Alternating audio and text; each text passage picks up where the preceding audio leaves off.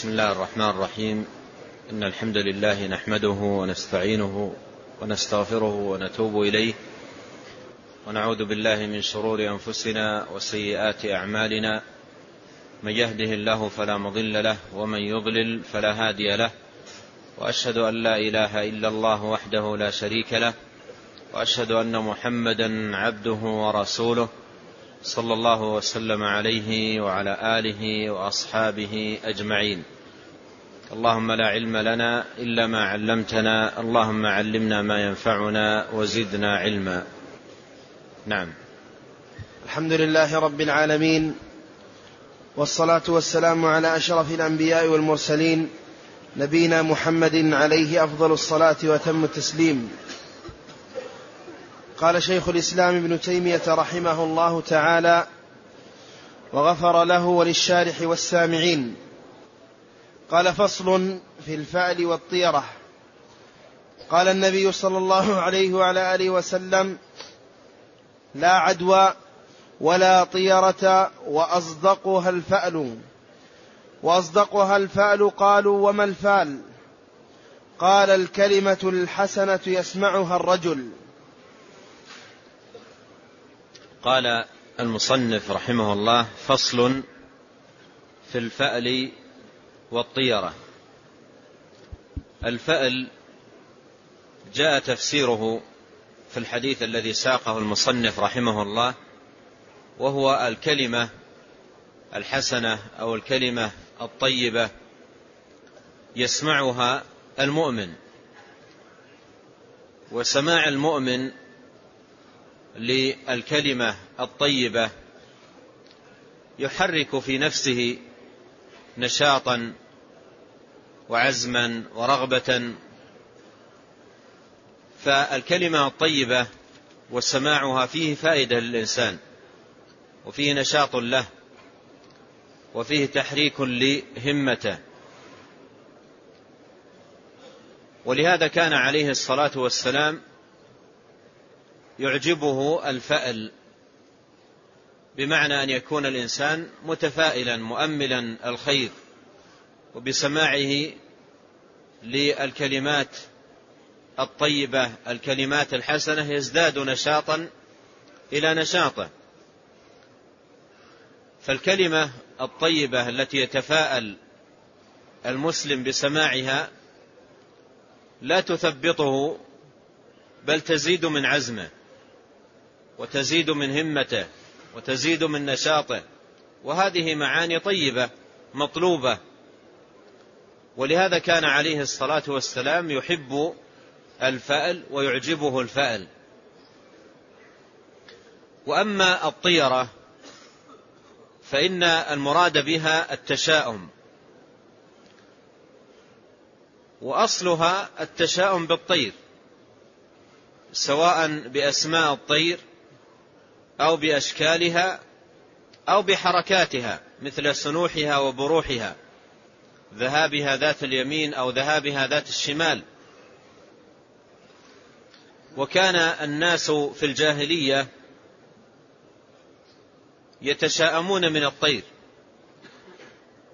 ويبنون على تشاؤمهم من الطير أمورا كترك أعمال. والتخلي عن تجارات ونحو ذلك.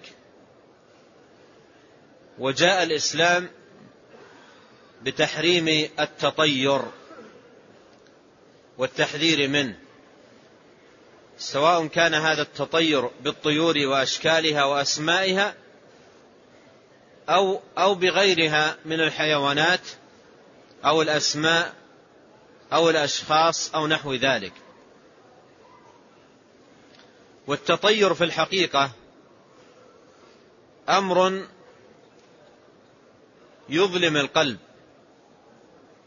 يظلم قلب الإنسان ويعثر قلبه ويعثر همته ويخلخل تفكيره ويثبط عزيمته ويدخل عليه التواني والضعف. إذا بدأ الإنسان يتطير أي يتشاءم بالأصوات أو بالأشخاص أو بالحركات أو نحو ذلك فإن مصالحه تتعطل وفكره يختل ويصبح دائما إنسانا متخوفا إنسانا متوانيا وكسولا فالتطير له آثار سيئة جدا على الإنسان في حياته وفي سلوكه. والإسلام جاء بما فيه عزة الإنسان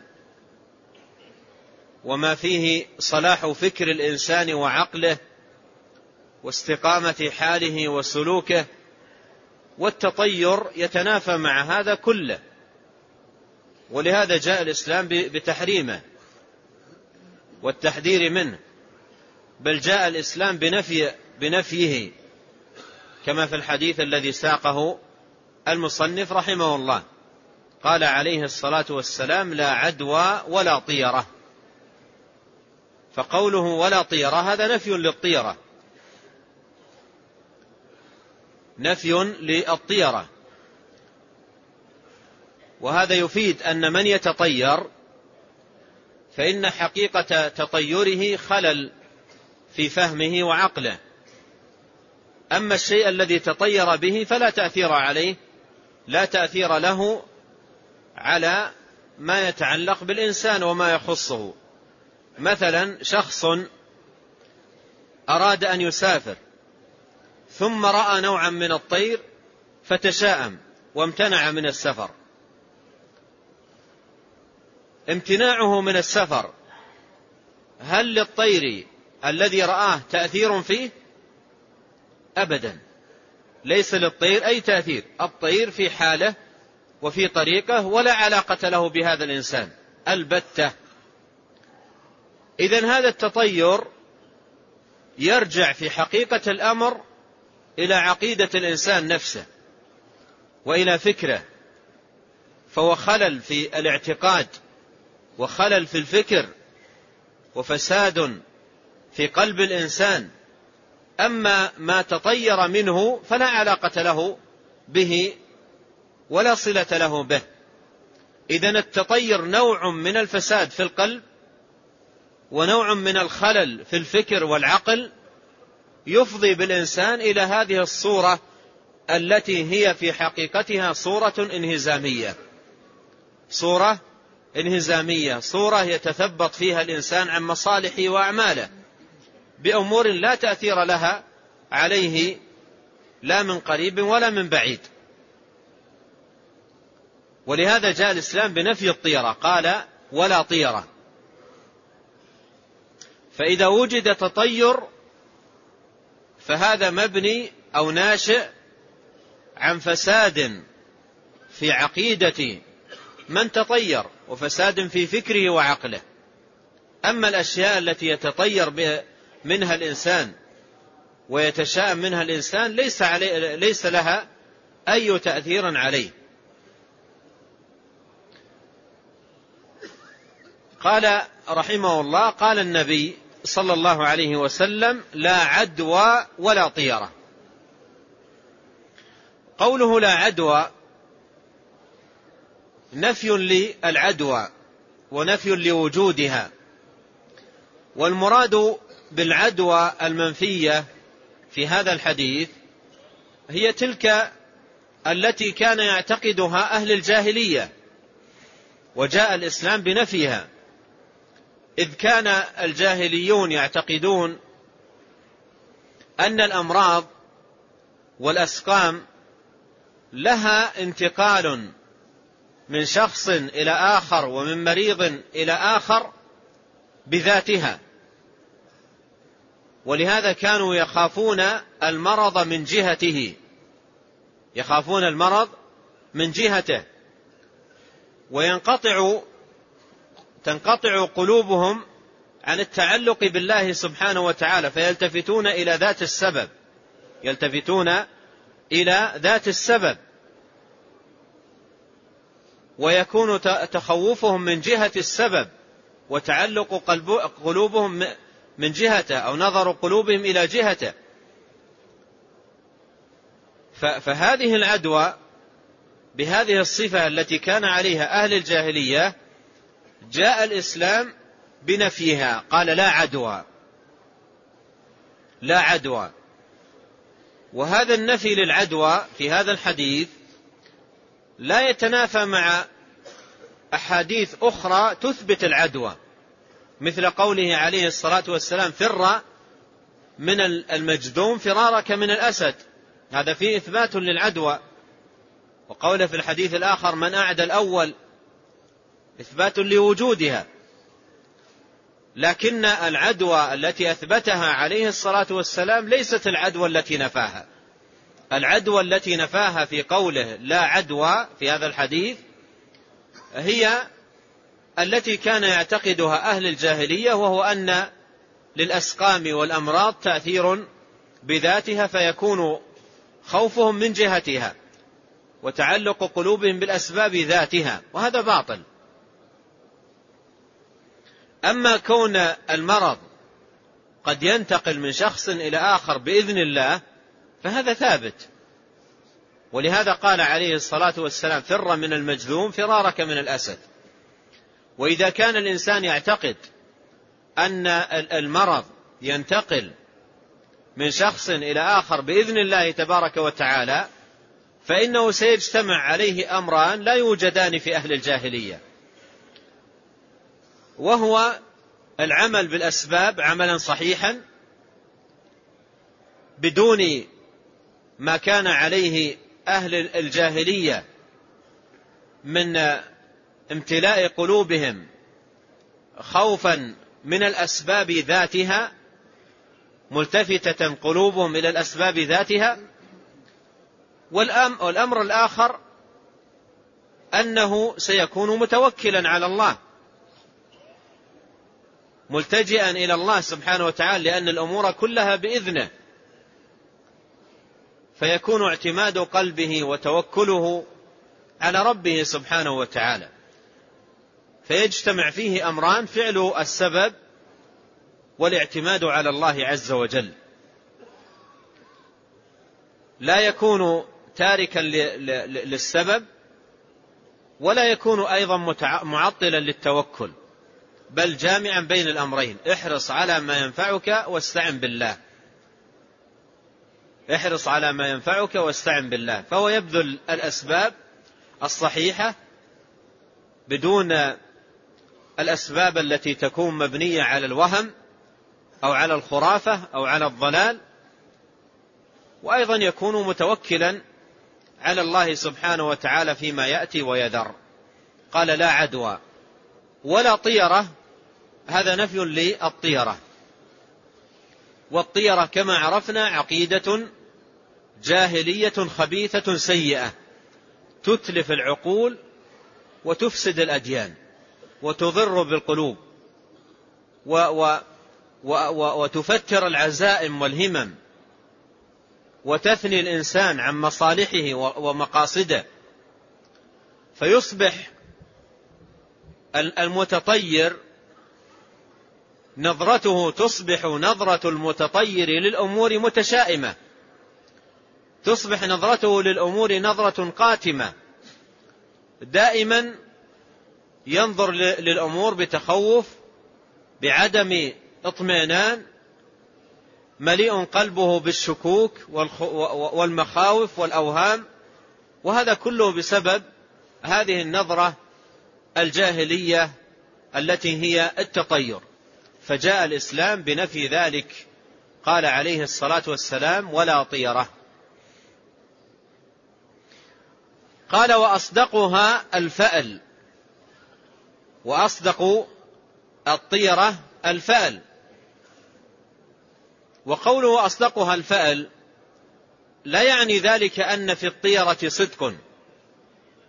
فإن أفعل التفضيل قد يأتي على غير بابه. أفعل التفضيل قد يأتي على غير بابه. بمعنى أن أن أنه يورد أفعل التفضيل والمفضول ليس فيه شيء من صفات الفاضل. كقولنا مثلا العسل أحلى من الملح. لا يعني ذلك أن في الملح شيء من الحلاوة. فهنا يقال استعمل أفعل التفضيل في غير بابه. أصحاب الجنة يومئذ خير مستقرا وأحسن مقيلا. خير ممن؟ وأحسن ممن؟ من أهل النار. وهل عند أهل النار شيء من الخير؟ فأفعل التفضيل قد يأتي على غير بابه آه الله خير أما يشركون. فأفعل التفضيل قد يأتي على غير بابه بمعنى أن المفضول ليس فيه شيء من صفات الفاضل. فقوله أصدقها الفأل وأصدق الطيرة الفأل لا يعني أن في الطيرة صدق. الطيرة وهم. الطيرة وهم. لا صدق فيها. وهي باطلة لا حقيقة لها نفاها الإسلام. وتطير الإنسان نوع من الفساد في عقله. نوع من الفساد في عقله. ولا تأثير لما تشاءم منه أو تطير منه على حياته وسلوكه وعمله. لكن هذا في الحقيقة نوع من الفساد في عقل المتطير وفساد في فكره. ولهذا جاء الإسلام بمحاربة الطيرة والتحذير منها وبيان فسادها وخطورتها على الإنسان. قال وأصدقها الفأل. قالوا وما الفأل يا رسول الله؟ لما قال عليه الصلاة والسلام أصدقها الفأل؟ قالوا وما الفأل يا رسول الله؟ قال عليه الصلاة والسلام الكلمة الحسنة يسمعها الرجل. الكلمة الحسنة يسمعها الرجل. الكلمة الحسنة كانت تعجب النبي عليه الصلاة والسلام. ولهذا جاء في في بعض الأحاديث قال ويعجبني الفأل. فهي كانت تعجب النبي عليه الصلاة والسلام. وسماع الكلمة الطيبة يبعث في القلب نشاطا وعزما وهمة وإقداما. فهي كلمة إذا سمعها الإنسان لم تثنه. عن مصالحه ولم تعطله عن مقاصده بل إنها تنشطه وتبعث في قلبه عزما وهمة. مثل شخص خرج في تجارة خرج في تجارة معه بضاعة له يريد أن يبيعها. وهو في طريقه سمع رجلا ينادي صاحبه. سمع رجلا ينادي صاحبه ويقول يا رابح. يناديه يا رابح. فسمع هذه الكلمة وسر بسماعها. نشط في عندما سمعها. بعثت في, في نفسه نشاطا تفاؤلا اقداما. فهي كلمة ليست معثرة مثل التطير. التطير كلام يعثر. يعثر الإنسان يقطعه عن مصالحه وعن غاياته ومقاصده. أما الكلمة الطيبة هي تنشط الإنسان يسر بسماعها تبعث في قلبه معاني طيبة وجميلة. ولهذا كان عليه الصلاة والسلام يعجبه الفأل وهي الكلمة الطيبة يسمعها. شخص مريض على سبيل المثال ويشتكي من مرض فسمع رجلا ينادي صاحبه يا سالم أو يا سليم أو نحو ذلك. أو أو نحو ذلك من الكلمات التي يسمعها الإنسان كلمات طيبة فيسر بسماعها وتحرك في القلب معاني طيبة. فهذا أمر كان يعجبه صلوات الله وسلامه عليه. قالوا وما الفأل؟ قال الكلمة الحسنة. يسمعها الرجل. نعم. قال وكان رسول الله صلى الله عليه وعلى آله وسلم يعجبه الفأل مثل ما كان في سفر الهجرة. فلقيهم رجل فقال ما اسمك؟ قال بريدة. قال برد أمرنا. ثم أورد عن النبي عليه الصلاة والسلام أنه كان يعجبه الفأل. كان يعجبه الفأل. أي أنه صلوات الله وسلامه عليه يسر بسماع الكلمة الطيبة. وقد عرفنا السبب في ذلك وهو أن الكلمة الطيبة عندما يسمعها المسلم لا تثنيه بل تنشطه. لا تثنيه عما هو قادم عليه بل تنشطه. وتدخل على قلبه سرورا واملا ونشاطا وعزما. فهي كلمة طيبة يسر المسلم بسماعها وتنشطه إلى ما هو قادم عليه من أعمال. ولذا كان عليه الصلاة والسلام يعجبه الفأل. ثم ضرب المصنف رحمه الله على ذلك بعض الأمثلة.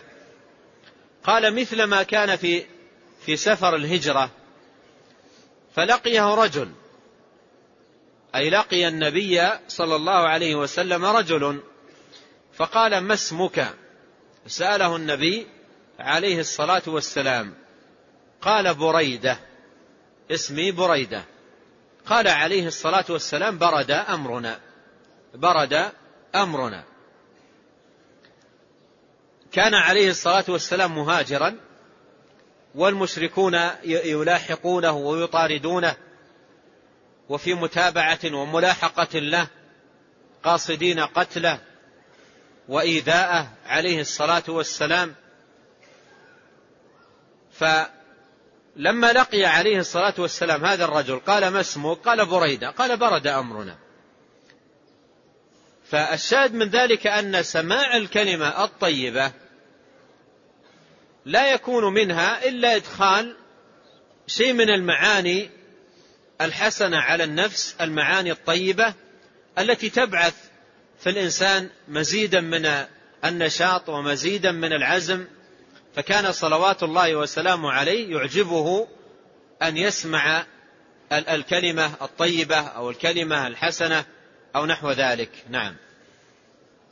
قال وقال رأيت في منامي كأني في دار عقبة بن رافع وأوتينا من رطب بن طاب فأولت الرفعة لنا في الدنيا والعاقبة لنا في الآخرة وأن ديننا قد طاب. هذه أيضا من هذا الباب وهي رؤيا منامية. رؤيا منامية للنبي عليه الصلاة والسلام. وقد سمع فيها كلمات طيبة. سمع فيها بعض الأسماء. قال رأيت في منامي كأني في دار عقبة بن رافع. كأني في دار عقبة بن رافع. وأتينا من رطب ابن طاب. وأتينا من رطب ابن طاب. وهذا رطب معروف لشخص يقال له ابن طاب في المدينة. وكان رطبه من الرطب الجيد مشهور بين الناس ومعروف بينهم. جنى ابن طاب أو رطب ابن طاب واشتهر باسم صاحب صاحب الرطب رطب ابن طاب.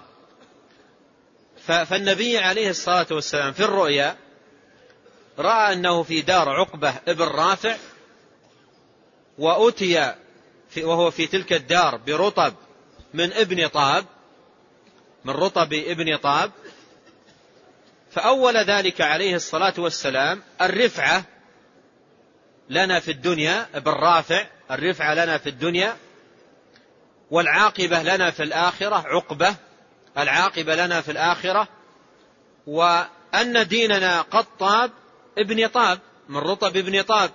فهذه الكلمات الطيبة التي آه، حصلت للنبي عليه الصلاة والسلام هي كلمات فسرها النبي عليه الصلاة والسلام تفسيرا فيه ماذا؟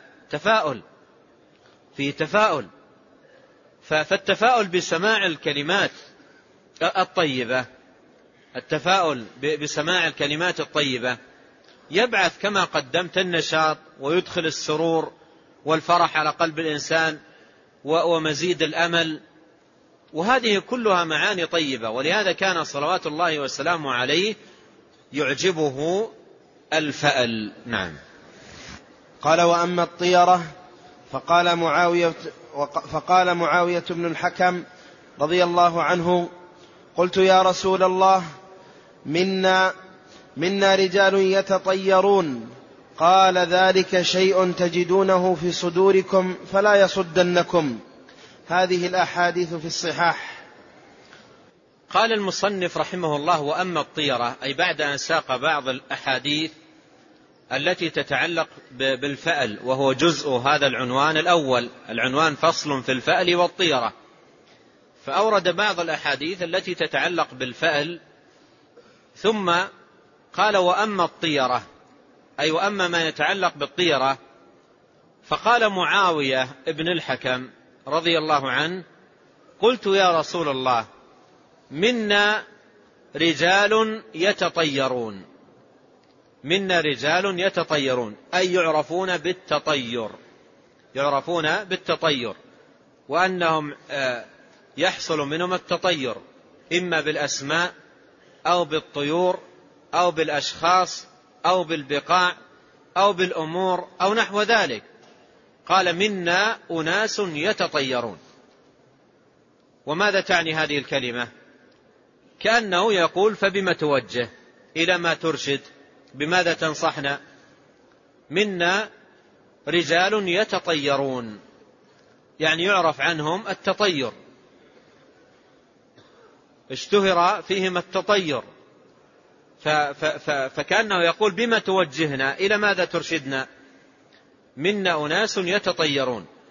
فقال عليه الصلاة والسلام ذلك شيء تجدونه في صدوركم.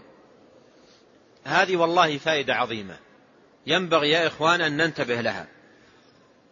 قال ذلك شيء تجدونه في صدوركم. يعني التطير عندما يحدث من الإنسان هو في حقيقته ماذا؟ هو في حقيقته شيء وجد في صدره.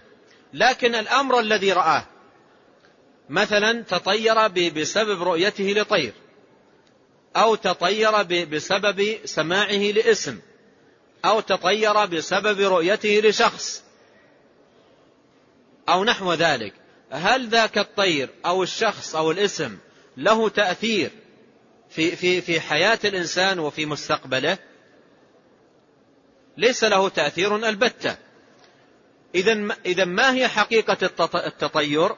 حقيقة التطير شيء يجده الإنسان في نفسه. هذه فائدة عظيمة جدا. التطير حقيقته أنه شيء يجده الإنسان في نفسه. أما الأمور التي رآها وكانت سببا للتطير أو سببا لوجود هذا الشيء الذي وجد في نفسه فهي لا تأثير لها. لا الطير له تأثير ولا ما يراه الأشخاص ولا ما يراه الإنسان من أشخاص أو نحوها ليس لها أي تأثير عليه. الأمور كلها بقضاء الله وقدره. وما شاء الله كان وما لم يشاء لم يكن. ولا حول ولا قوة إلا بالله. فأي تأثير لطير؟ أي تأثير لطير؟ ليس لها أي تأثير البتة. جاء عن آه، ابن عباس رضي الله عنه كان في في مجلس وكان عنده رجل فمر طير وصاح صاح الطير. فقال هذا الرجل الذي كان عند ابن عباس قال خير خير. يعني الآن صوت الطير أحدث في نفسه شيئا فقال خير. وبعض من هم متأثرون بهذه اللوثة الجاهلية يقولون خير يا طير. خير يا طير. فقال خير لما سمع صوت الطير. فقال ابن عباس لا خير ولا شر. إيش علاقة يعني الطير بالخير والشر؟ ما, ما أي علاقة له؟ قال لا خير ولا شر. وكان ابن وكان طاووس مرة في سفر. ومعه صاحب له. فرأى طيرا.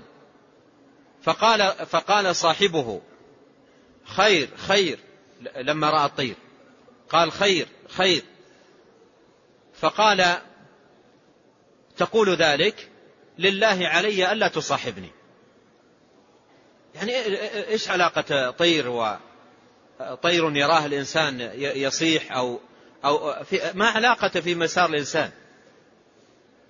وبعض الناس الذي يوجد فيه التطير عندما يرى نوعا من الطير أو صفة من حركات الطير أو نحو ذلك يبدأ يحدث عنده خوف. والخوف هذا الذي يوجد عنده يبني عليه هذه الكلمة خير. يعني يعني كأنه وجد في في في قلبه شيء ثم قال هذه الكلمة تعبر تعبر عن شيء من الخوف الذي وجد في نفسه خير. فقال ابن عباس كما سمعنا قال لا خير ولا شر. لا خير ولا شر. يعني ما علاقة الطير أصلا في هذه الأمور. إذا هذه يا أخوان فائدة والله عظيمة جدا ومهمة. وفيها في الوقت نفسه دواء للإنسان ومعالجة لما قد يقع في, في نفس الإنسان من تطير في, في بعض الأمور. قال عليه الصلاة والسلام ذاك شيء تجدونه في صدوركم. ذاك شيء تجدونه في صدوركم. أي لا حقيقة له ولا تأثير له. لا حقيقة له لأن النبي عليه الصلاة والسلام مر معنا حديثه قال ماذا؟ ولا طيرة نفاها. عليه فهو أمر لا حقيقة له. ولا تأثير له لا يؤثر في في فيما فيما هو قادم عليه الإنسان. ليس له أي تأثير أبدا. الأمور بمشيئة الله. ما شاء الله كان وما لم يشاء لم يكن ولا حول ولا قوة إلا به سبحانه وتعالى. فقال ذاك شيء تجدونه في صدوركم. أيضا انتبه إلى قوله هنا ذاك شيء تجدونه في صدوركم أن هذه المعاني قد تهجم على قلب الإنسان. قد تهجم على قلب الإنسان في في في حالة ضعف. قد تهجم على قلبه قد تدخل على قلبه قد توجد في صدره شيء تجدونه في صدوركم. فمن وجد شيئا من ذلك في صدره فعليه ماذا؟ ألا يلتفت إليه وألا يصده عن أعماله وعن مصالحه. وهذا هو معنى قول ابن مسعود وما منا إلا ولكن الله يذهبه بالتوكل. وما منا إلا ولكن الله يذهبه بالتوكل. يعني ما منا إلا و و و ويجد شيء يدخل على قلبه يهجم على قلبه. أحيانا يرى الإنسان مثلا صورة معينة أو هيئة معينة فربما يدخل على قلبه بدون استئذان. يدخل على قلبه بدون استئذان وبدون طلب. يدخل على قلبه فيحس شيئا وجد في قلبه. فإذا أحس الإنسان بوجود هذه النظرة التي تطير في قلبه فعليه ماذا؟ ألا يصده هذا الأمر. تمضي في مصلحتك تمضي في عملك. إياك وأن تمتنع عن عمل من الأعمال أو مصلحة من المصالح أو مقصد من المقاصد الطيبة التي أنت تقصدها بسبب ماذا؟ سماعك لصوت أو رؤيتك لمنظر أو, أو نحو ذلك. ولهذا قال هنا ذاك شيء تجدونه في صدوركم فلا يصدنكم. فلا يصدنكم. أي إياكم وأن يصدكم. هذا الأمر الذي تجدونه في صدوركم عما أنتم قادمون عليه. فإذا كان الإنسان بهذه الصفة فهذا إنسان يجاهد نفسه على الخير. يجاهد نفسه على على الخير. ولا تصده أمثال هذه الأشياء إذا وجدت في قلبه. قال ذاك شيء تجدونه في صدوركم فلا يصدنكم. نعم. قال وعن عروة بن عامر قال سئل رسول الله صلى الله عليه وعلى آله وسلم عن الطيرة فقال أصدقها الفعل. ولا ترد مسلما وإذا رأيتم شيئا تكرهونه فقولوا اللهم لا يأتي بالحسنات إلا أنت ولا يذهب بالسيئات إلا أنت ولا حول ولا قوة إلا بالله. ثم ختم رحمه الله بحديث عروة بن عامر رضي الله عنه. قال سئل رسول الله صلى الله عليه وسلم عن الطيرة. سئل رسول الله صلى الله عليه وسلم عن الطيرة فقال أصدقها الفأل. قال أصدقها الفأل. وعرفنا أن الطيرة مذمومة والفأل محمود.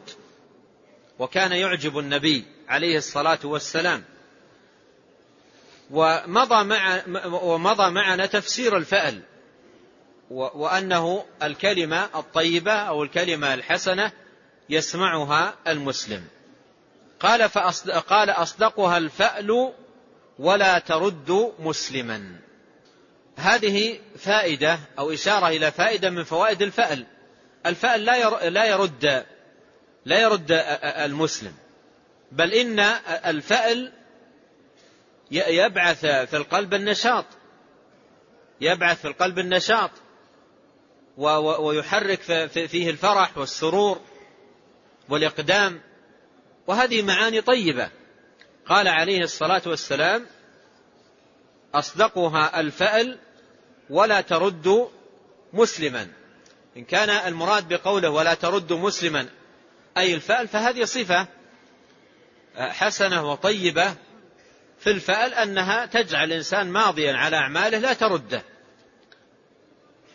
وإذا كان المقصود بذلك الطيرة فهذا تنبيه منه عليه الصلاة والسلام إلى أن من وجد في نفسه شيء من التطير لا يجوز له أن يرده ذلك عما هو قادم عليه بل ينبغي عليه ويجب عليه أن يمضي في مصالحه وأعماله دون أن يلتفت إلى هذا الشيء الذي وجد في صدره.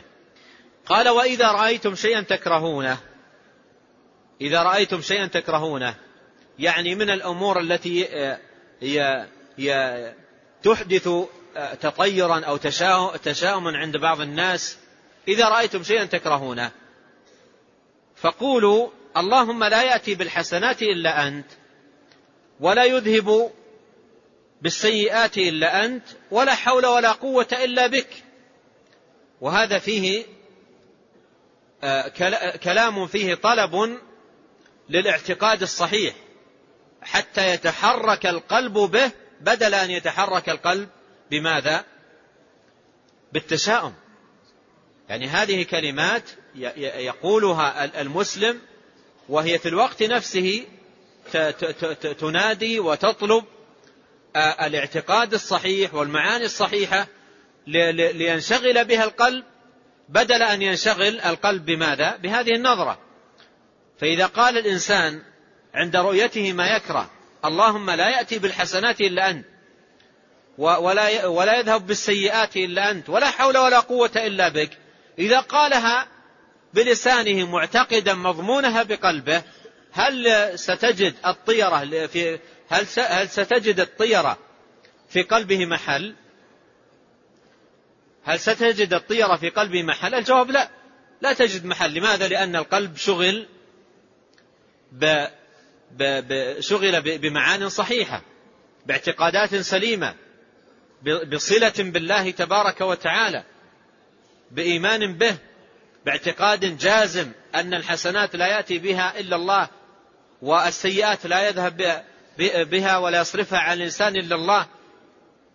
فإذا قال الإنسان هذه الكلمات ثم قال أيضا ولا حول ولا قوة إلا بالله فإن هذه الكلمات كلمات تجلب لقلب الإنسان الاعتقاد الصحيح فينشغل به بدل أن يكون منشغلا بمعان سيئة أو بكلمات سيئة تعثر سيره وتعوقه عن مصالحه ومقاصده. وهذا فيه فائدة أن الإنسان إذا دخل على قلبه شيء إذا دخل على قلبه شيء من التطير عليه أن يطرده بالإيمان الصحيح. عليه أن يطرده بالإيمان الصحيح والثقة بالله والإيمان بأقدار الله وأن الأمور كلها بمشيئة الله وأنه ما شاء الله كان وما لم يشأ لم يكن ولا وأنه لا حول ولا قوة إلا بالله. وتأملوا كلمة ابن عباس التي مرت قريبا قال لا خير ولا شر.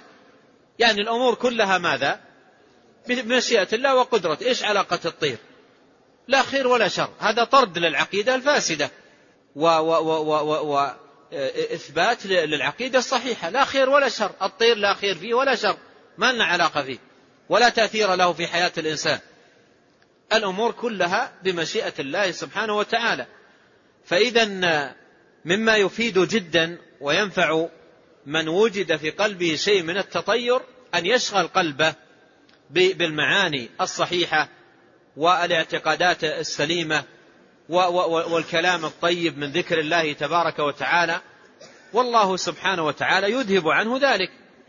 وهذا هو معنى قول ابن مسعود الذي أشرت إليه قال ما منا إلا ولكن الله يذهبه بالتوكل. فإذا شغل الإنسان قلبه بالتوكل على الله والثقة به والاعتماد عليه وتفويض الأمر إليه وذكره سبحانه وتعالى فإن مصالحه وأموره تمضي إلى خير. ولا, ولا يوجد فيه هذه النظرة التي ترده عن مصالحه ومقاصده. قال رحمه الله تعالى فصل في الحمام. قال عن أبي هريرة رضي الله عنه مرفوعا وموقوفا وهو أشبه. قال نعم البيت الحمام يدخله المسلم إذا دخله سأل الله الجنة واستعاذه من النار. ثم قال رحمه الله فصل في الحمام. الحمام في إطلاق أهل العلم المتقدمين وفي كتب أهل العلم المتقدمين ليس, ليس المراد به الحمام الذي يعرف بهذا الاسم في زماننا. الحمام المراد به مكان الاستحمام وهو مكان مخصص للاستحمام ويكون فيها ماء بخاري ماء مغلي بحيث يكون مكان الاستحمام مبخر بالماء وفيها رطوبة الماء الحار الدافئ. وهذا فيه فائدة للجسم ولهذا يستعمل لعلاج بعض الأمراض. يستعمل وينصح به بعض المرضى. ينصح بالحمامات البخارية أو الحمامات التي بهذه الطريقة لأن فيها فائدة له فيها فائدة له. فالمراد بالحمام في, في, في, في كتب أهل العلم المتقدمين هذا. أما الحمام الذي هو مكان قضاء الحاجة فكان يقال له بيت الخلاء وكان يقال له الحش ويطلق عليه آه، أسماء أخرى. لكن إذا أطلق الحمام عند المتقدمين فالمراد به مكان الاستحمام. يعني مكان مخصص يدخله الناس من أجل الاستحمام. وفيها في الحمام فيها نار يوقد عليها الماء فيغلي الماء وتتبخر الغرفة. فجمع الحمام بين أمرين بين الحرارة وبين الراحة. جمع بين حرارة وراحة حرارة النار والرطوبة. وأيضا الراحة التي يكتسبها الجسم عند دخوله الحمام وتفتح المسام التي على البشرة. وأيضا آه، آه، ذهاب الأوساخ التي تكون على الجلد مما لا قد لا يذهب بالغسيل المجرد.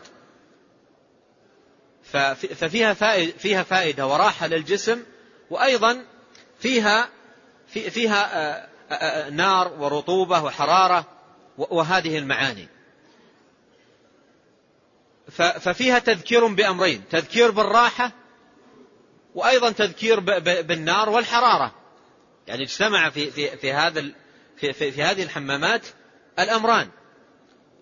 الراحة والتذكير بها وراحة البدن واستفادته من, من هذا الحمام وهذا الاستحمام. وأيضا فيها تذكر النار والحرارة ونحو ذلك. قال فصل في الحمام. أورد عن أبي هريرة رضي الله عنه مرفوعا وموقوفا وهو أشبه. مرفوعا أي إلى النبي عليه الصلاة والسلام. وموقوفا أي على أبي هريرة رضي الله عنه. والموقوف من كلام الصحابي والمرفوع من كلام النبي عليه الصلاة والسلام. قال والموقوف أشبه يعني أن كون هذا الحديث إسناد موقوف أشبه أي أولى بالحق من كونه مرفوعا إلى النبي عليه الصلاة والسلام. قال نعم البيت الحمام. يدخله المسلم إذا دخله سأل الله الجنة واستعاذه من النار. سأل الله الجنة واستعاذه من النار.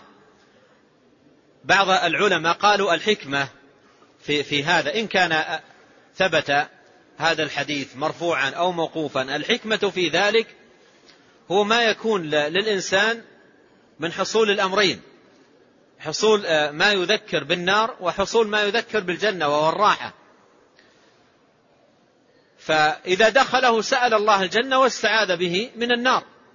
ومن المعلوم أن المواقف أحيانا والمشاهدات تحرك في الإنسان شيء من الدعوات. شيء من الدعوات. فهنا قال إذا دخل إذا دخله سأل الله الجنة واستعاذ به من النار أي لما فيه من التذكير بالأمرين. لما فيه من التذكير بالجنة من جهة الراحة التي تحصل للإنسان وتذكير بالنار من جهة ما في المكان من حرارة ونار وماء رطب حار. ففيها تذكير بالنار من هذه الجهة.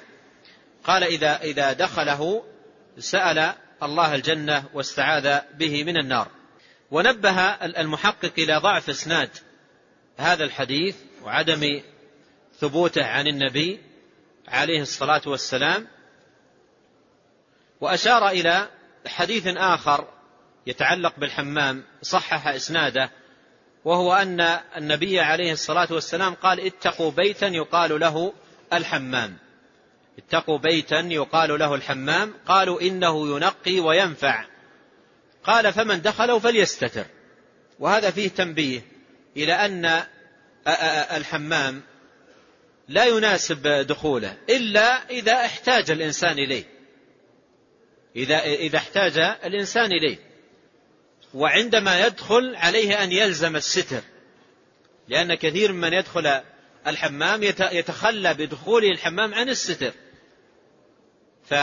فتبدو عورته أو بعض عورته ولا يبالي بحجة أنه يستحم بحجة أنه يستحم وبحجة أنه ينقي بدنه من أوساخه. والحمام في الغالب غرفة مفتوحة يجلس فيها أكثر من شخص. ليست مكان لكل واحد مكان مستقل وإنما هي غرفة مفتوحة يجلس فيها أكثر من شخص. فوجه النبي عليه الصلاة والسلام من احتاج أو من اضطر لدخول الحمام وجهه عليه الصلاة والسلام إلى أن يستتر. يعني لا يجعل الإنسان طلبه للنقاء أو الراحة أو النظافة أن يتخلى عن الستر. فقال عليه الصلاة والسلام فمن دخله فليستتر. فمن دخله فليستتر. جاء في بعض النسخ ختم المصنف رحمه الله لهذا الكتاب بقوله سبحان ربك رب العزة عما يصفون وسلام على المرسلين والحمد لله رب العالمين. وهذه الآية أوردها المصنف رحمه الله في كتابه العظيم العقيدة الواسطية. في أول الكتاب لأن فيها تقريرا للمنهج الحق وثناء على طريقة الأنبياء والمرسلين لما فيها من التعظيم لله تبارك وتعالى والتنزيه له عما لا يليق به وفيها أيضا ذم لطرائق المخالفين لمنهج الأنبياء والمرسلين. ولهذا سبح الله نفسه أي نزه نفسه تبارك وتعالى عما يصفه به أعداء الرسل والمخالفون للرسل. قال سبحان ربك رب العزة عما يصفون. أي عما يصف به أعداء الرسل رب العالمين. تنزه الله تبارك وتعالى وتقدس عما يصفه به أعداء رسله. وسلم على المرسلين. قال وسلام على المرسلين. لسلامة ما قالوه أي الرسل في حق الله تبارك وتعالى من النقص والعيب. فكل ما قاله الرسل في حق الله تبارك وتعالى فكله كلام حق لا, لا عيب فيه ولا نقص فيه. وإنما العيب والنقص في كلام أعداء الرسل والمخالفين لهم. ثم ختم بقوله سبحانه والحمد لله رب العالمين. والحمد هو الثناء على الله تبارك وتعالى. وهو جل وعلا يثنى عليه على أسمائه الحسنى وصفاته العلى ويثنى عليه تبارك وتعالى على نعمه وآلائه التي لا تعد ولا تحصى. ونختم مجلسنا هذا بحمد الله تبارك وتعالى حمدا كثيرا طيبا مباركا فيه على نعمه وآلائه وعلى توفيقه وتيسيره فله تبارك وتعالى الحمد أولا وآخرا. وله الشكر ظاهرا وباطنا له الحمد على نعمة الإسلام وله الحمد على نعمة الإيمان وله الحمد على نعمة القرآن وله الحمد على كل نعمة أنعم بها علينا في قديم أو حديث أو سر أو علانية. له الحمد في الأولى والآخرة. وآخر دعوانا أن الحمد لله رب العالمين وصلى الله وسلم على نبينا محمد وآله وصحبه أجمعين.